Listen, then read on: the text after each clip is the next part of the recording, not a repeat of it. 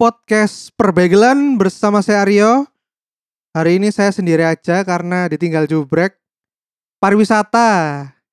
Jubrek lagi nyobain bis di Surabaya. Aneh rekonya nih. Sekarang kita disponsori oleh Bagel Bandits. Bagel paling enak sak Surabaya.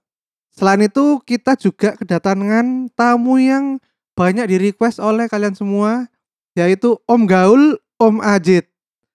Langsung aja, Om Ajit.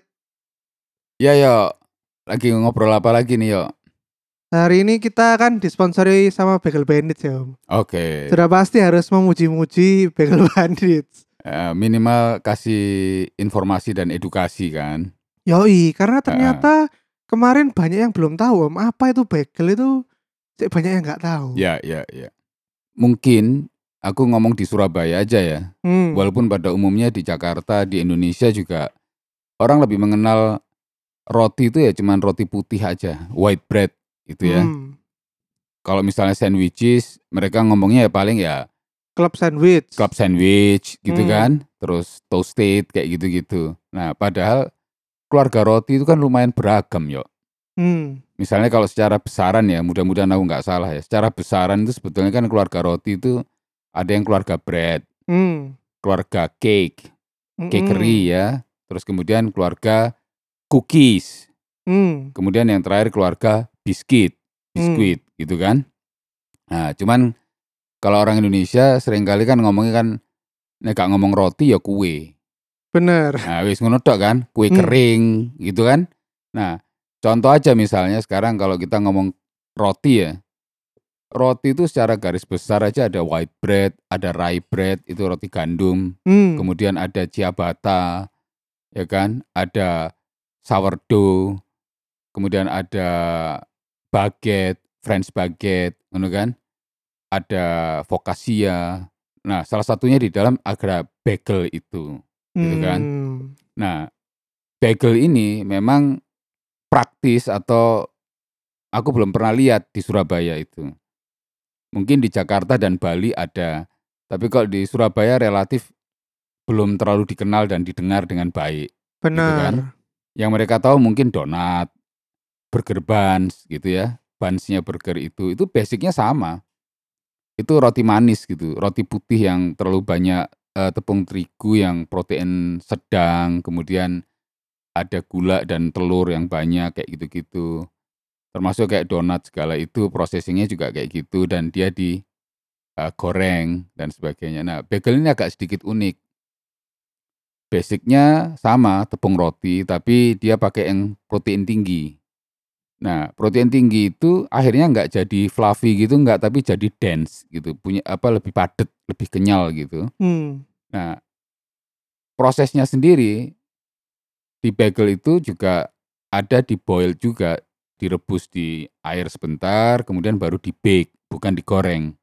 Rasanya itu kalau dipanggang crusty di luar, kemudian jadi chewy di dalam. Dan pada saat ditarik gitu, itu rodok ngoyo sidik gitu. Jadi akhirnya ada properly dense gitu ya, rodok eh, padat-padat gimana gitu. Dan yang menarik adalah taste-nya. Taste-nya itu punya keragaman karena saat dia berproses tadi itu sebelum di boiled maupun di pada saat di proofing lah istilahnya kalau orang baking tahu lah itu. Itu dia sebelum proofing itu dia diisi sama beberapa rasa-rasa yang diinginkan. Bisa vanilla, bisa blueberry, bisa strawberry, bisa any kind of flavor yang mereka bisa mau. Gitu kan, ada yang rasa onion, ada rasa garlic, atau perpaduan yang lain-lain. Nah, jadi menariknya bagel itu di samping di prosesnya yang berbeda dan juga bahannya yang sedikit berbeda, perlakuan berbeda, akhirnya kompleksitas rasanya itu lebih kaya rasa, lebih kaya sensasi gitu kan. Juga lebih beda rasanya gitu. Dan ini relatif belum pernah masuk di Surabaya. Yang Benar. aku lihat baru Bagel Bandits ini yang bikin kita memberikan wawasan bahwa salah satu roti yang mereka tahu itu adalah oh ini burger ta? Bukan. Kalau burger buns itu lebih ke fluffy gitu kan.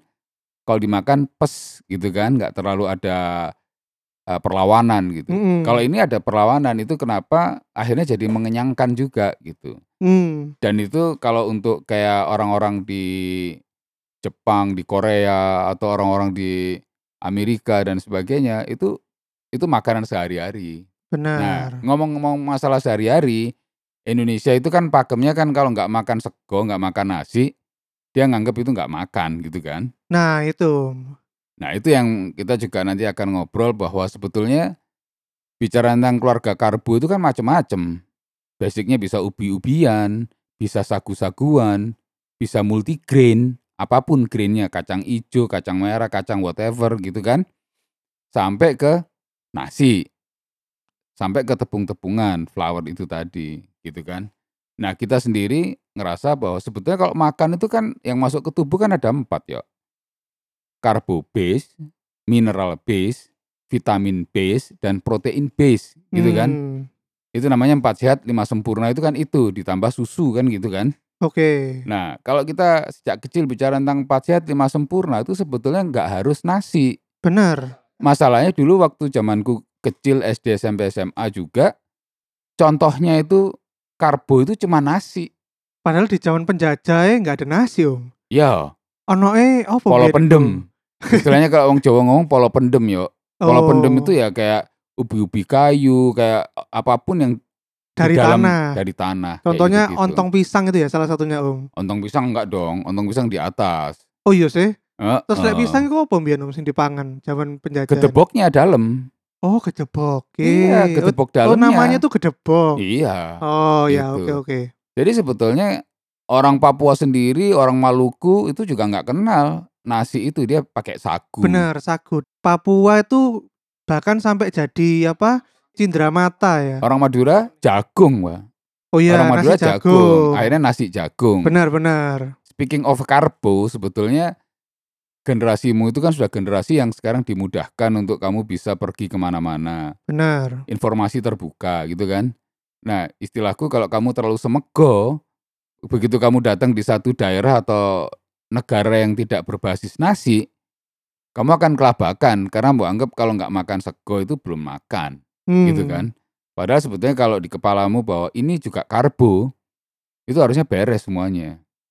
Nah kamu sebagai generasi yang harusnya lintas batas ini dengan permutasi lewat keluar masuk keluar dengan cepat, ya harusnya menyesuaikan kalau bisa itu memudahkan kamu untuk menerima keragaman karbo itu. Mm-mm. Harapannya apa? Ya supaya kamu bisa lebih bisa menikmati hidupmu itu. Wah, nek gak sego gak mangan iki, Om. Wah, iku soro iki ya. Nah, itu yang aku juga bingung, Om. Kenapa sih kok bahkan sampai generasi sekarang loh, Om, yang kayak anak kecil-kecil itu loh, Om. Mm-mm. Wes ngomong ngono sisan, Om. Nah, itu balik lagi kalau aku mau bilang yaitu masalah keluarga ya. Keluarga itu punya visi nggak bahwa kalian nanti itu bekerja itu nggak cuma di Indonesia, Hmm. minimal di Asia Tenggara. Geser sidik Asia Pasifik gitu kan. Geser maneh ke Eropa, ke Amerika gitu kan. Nah, kalau kalian dibiasakan mulai kecil itu untuk makan dengan melihatnya dalam pola karbo, protein, mineral, vitamin, itu mungkin kamu nggak akan stay atau stagnan di Sego. sego itu tadi, Hmm. ya kan? Itu kalau dibiasakan di rumah, kalau pagi mungkin di-combine, hybrid gitu kan. Oh pagi itu cukup roti gitu kan. Nah roti aja nggak cuma sekedar white bread. Bisa jadi nanti di-combine sama beberapa tadi keluarga-keluarga roti tadi itu. Bisa rye bread, Termasuk bisa ciabatta, bagel. termasuk bagel juga. Nah sebetulnya itu lebih kepada pendidikan sih, pendidikan bukan berarti kita jadi nggak Indonesia kan, atau sok ke barat-baratan, enggak. Aku sendiri sering ngelokno bule nek isu-isu mangan ngene Indonesia, ngene hotel apa-apa ngono nek kenal, lho kon lapo ado-ado nang Indonesia manganmu American breakfast. Hmm. Kok nek teko nang Indonesia nang Surabaya mangan pecel, Pek, mangan rawon gitu. Kenapa? Itu experience gitu. Termasuk aku dibalik kalau aku ke New York ya lapo aku ado-ado merono cuman mangan sego gitu Ya, kan. mangan sego padang maneh. Mangan sego padang maneh gitu kan atau Chinese food gitu kan. Nah, itu. Ya buat apa? Ya aku cobalah makan bagels gitu kan, Hmm. makan baguette gitu, makan ciabatta atau apa dan sebagainya. Apa pun yang berbasis roti gitu kan. Nah, Itu kan pengkayaan selera, pengkayaan taste dan pengkayaan hidup lah, maksud aku gitu. Nah, ini salah satunya bagel ini ya problemnya di sana.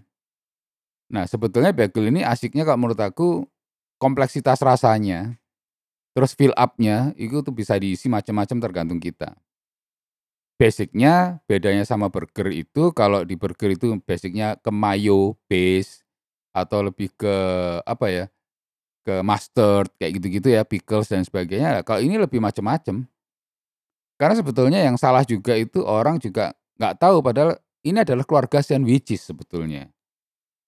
Kita mau ngomong hot dogs, kita mau ngomong bagels, kita mau ngomong burgers, kita Hmm. mau ngomong banh mi gitu kan, eee, baguette Vietnam itu, Iya. atau kita ngomong huggies, bahkan sampai ke flatbread, kayak pita bread, kayak yang di ngeneknya apa, daging yang digini-gini, kebab misalnya kayak Kebab gitu. kebab.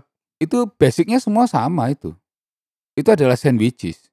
Hmm. Itu keluarga sandwiches, kita menyebutnya itu satu sandwiches. Masalahnya di Indonesia kalau sandwiches itu triple decker, ya kan? Terus apa itu, eee, toast, Hmm. sandwich kayak gitu, enggak.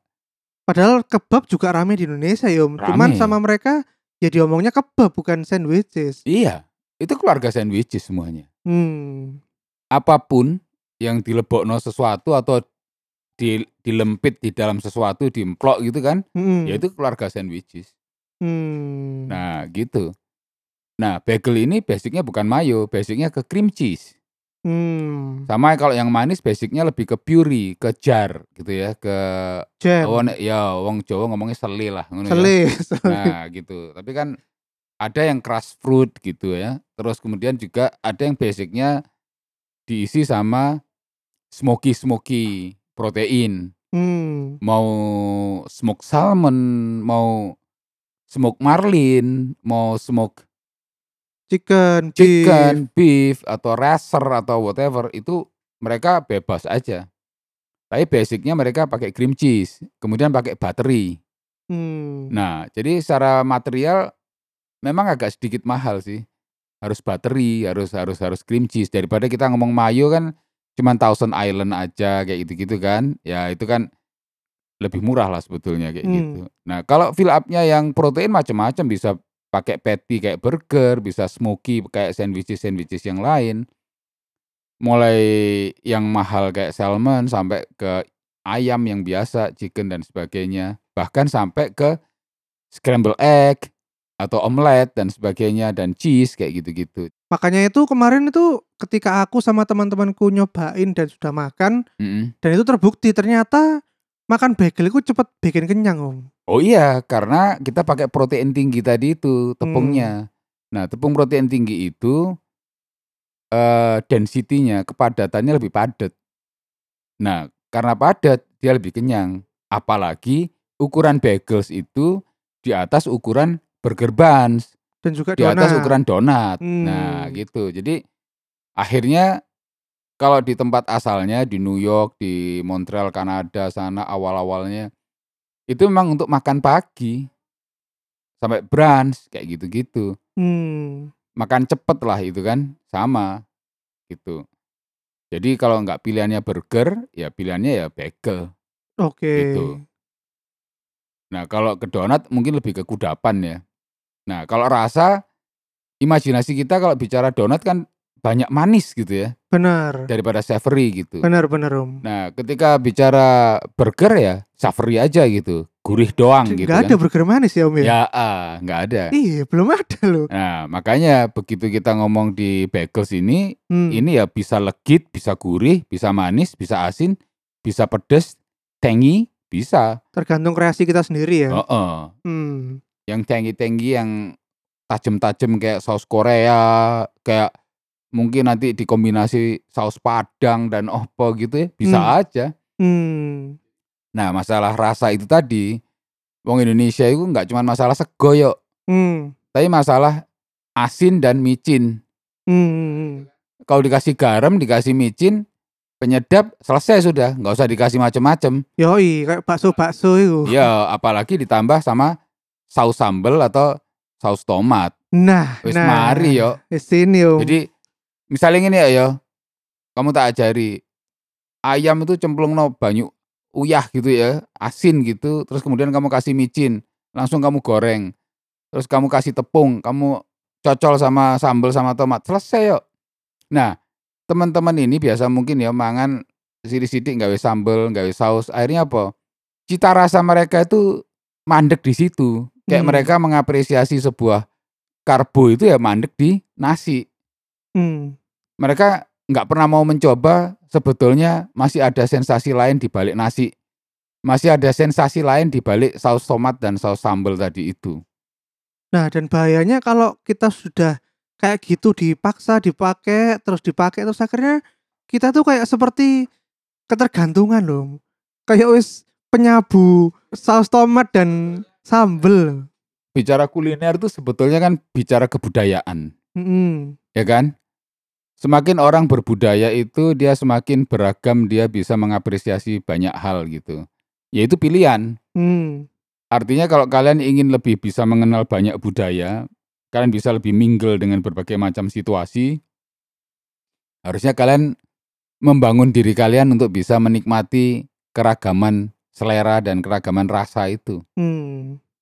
Intinya kalian tahu yang kalian makan itu apa. Oh ini keluarga karbohidrat, oke. Someday saya makan nasi, someday saya makan roti, kadang makan jagung, kadang makan ubi kayu, pohong, Hmm. kadang saya makan grain, bisa flaxseed, bisa any kind seed gitu kan. Ya itu karena di kepala kita, oh ini karbohidrat gitu. Nah kalau sudah makan karbo, berarti kita tinggal makan protein. Sama aja kalau kamu makan nasi tok, itu aja sama dengan kamu makan itu chicken tok gitu kan. Hmm. Padahal protein itu nggak cuman chicken. Ada yang kambing, ya kan? Kalau yang bukan muslim ada yang babi, ada yang ikan, ada yang any kind of protein, Hmm. hmm. ada unggas-unggasan dan sebagainya gitu kan. Nah, sama aja kalau kamu makan nasi itu sebetulnya kamu cuma makan chicken itu tadi, padahal yang lainnya ada itu. Benar. Apa itu? Ada grain, multigrain tadi, kemudian ada ubi-ubian, ada apa itu sama. Harusnya begitu. Dan hebatnya orang-orang sini tuh iso gak bosen loh.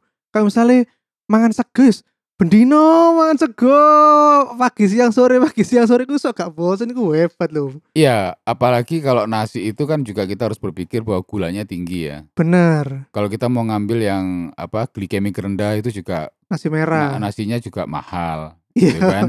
Dan masaknya susah biasanya Masaknya juga ngomongnya. susah, gitu kan? Kurang gurih, kok gak rasane ya, gitu. Ya karena kalian terbiasa legit tadi itu karena gula mengandung apa beras mengandung gula tadi. Hmm. Ya sebetulnya lebih kepada membangun diri kita sendiri sih. Kalau kalian siap global ya harusnya kalian siap nyebutnya sebagai saya pemakan karbo gitu. Any kind of karbo gitu. Kalau nggak sego ya akhirnya tepung-tepungan kan di Indonesia itu. Nah tepung-tepungan juga kayak gitu. Kalau tepung itu ketemu goreng ya itu lebih lebih berbahaya sebetulnya. Hmm. Nah kalau ini kan tepung ketemu bake ya, panggang gitu. Jadi minyaknya juga nggak seberapa seperti donat gitu kan. Jadi balik lagi ke kita di generasimu itu apakah akan seperti generasiku yang seperti katak dalam tempurung Hmm. yang bisanya hanya jagoan di dalam negeri Hmm. atau jagoan untuk ya jagoan kampung gitu atau jagoan jagoan kecamatan ngono Iya. atau kamu mau jagoan global gitu loh. Bener, mau, mau ditempatkan di mana kamu siap gitu kan. Nah, itu referensinya harus banyak. Aku sih lebih cenderung saat kita menikmati rawon ya kita bisa menikmati rawon dengan baik, proper. Saat kita menikmati steak ya kita benar-benar menikmati steak dengan baik, termasuk menikmati roti dengan keluarganya salah satunya bagel tadi itu ya kita bisa menikmati dengan baik. Hmm. Ya kudune ya improvement lah dan developnya diri sendiri ya lebih bervariasi. Nah ini Bagel Bandits ini menurut aku menarik sih. Karena ya effort juga untuk mengedukasi pasar. Insya Allah nanti kalau misalnya orang sudah terbiasa dengan kayak gini, kalau punya kesempatan nanti pergi ke mana, mereka menemukan hal yang sama itu ya, kan nggak kaget lagi lah. Aku ya lumayan bosen juga kalau semuanya basic burger itu. Benar. Karena ya burger ya rasanya begitu gitu. Donat ya begitu. Variannya sudah banyak gitu. Nah, cobalah ini melengkapi hidupmu, melengkapi sensasi rasamu itu dengan mencoba bagels ini. Yoi, langsung aja ke Mas Pion Square Hollywood Food Court. B2. Nah, itu B2 Bagel Bandits atau langsung bisa kalian order di Grab dan juga GoFood. Hmm. Tinggal klik Bagel Bandits. Sudah banyak beragam diskon dan promo di sana, jadi langsung aja kalian order di situ ya untuk nyobain enaknya bagel. Dijamin gak nyesel kalau nyoba, oke? Yaudah, terima kasih Om Ajit udah dateng Thank you yo. bersama Bagel Banditsnya ini. Ya. Lagi-lagi disponsori oleh Bagel Bandits hari ini. Bagelnya nikmat, mantap, properly dense, chewy, dan Krusty crusty. di luar. Mantap. Hmm. Oke, sampai jumpa di celatu episode berikutnya. Yang pasti episodenya lebih gila-gila lagi. Follow-follow sosmed kita di @celatu dan juga jangan lupa untuk kalian yang suka dengan kita bisa langsung donasi ke karyakarsa.com slash celatu. Sampai jumpa. Bye. Thank you, yo. Assalamualaikum. Waalaikumsalam.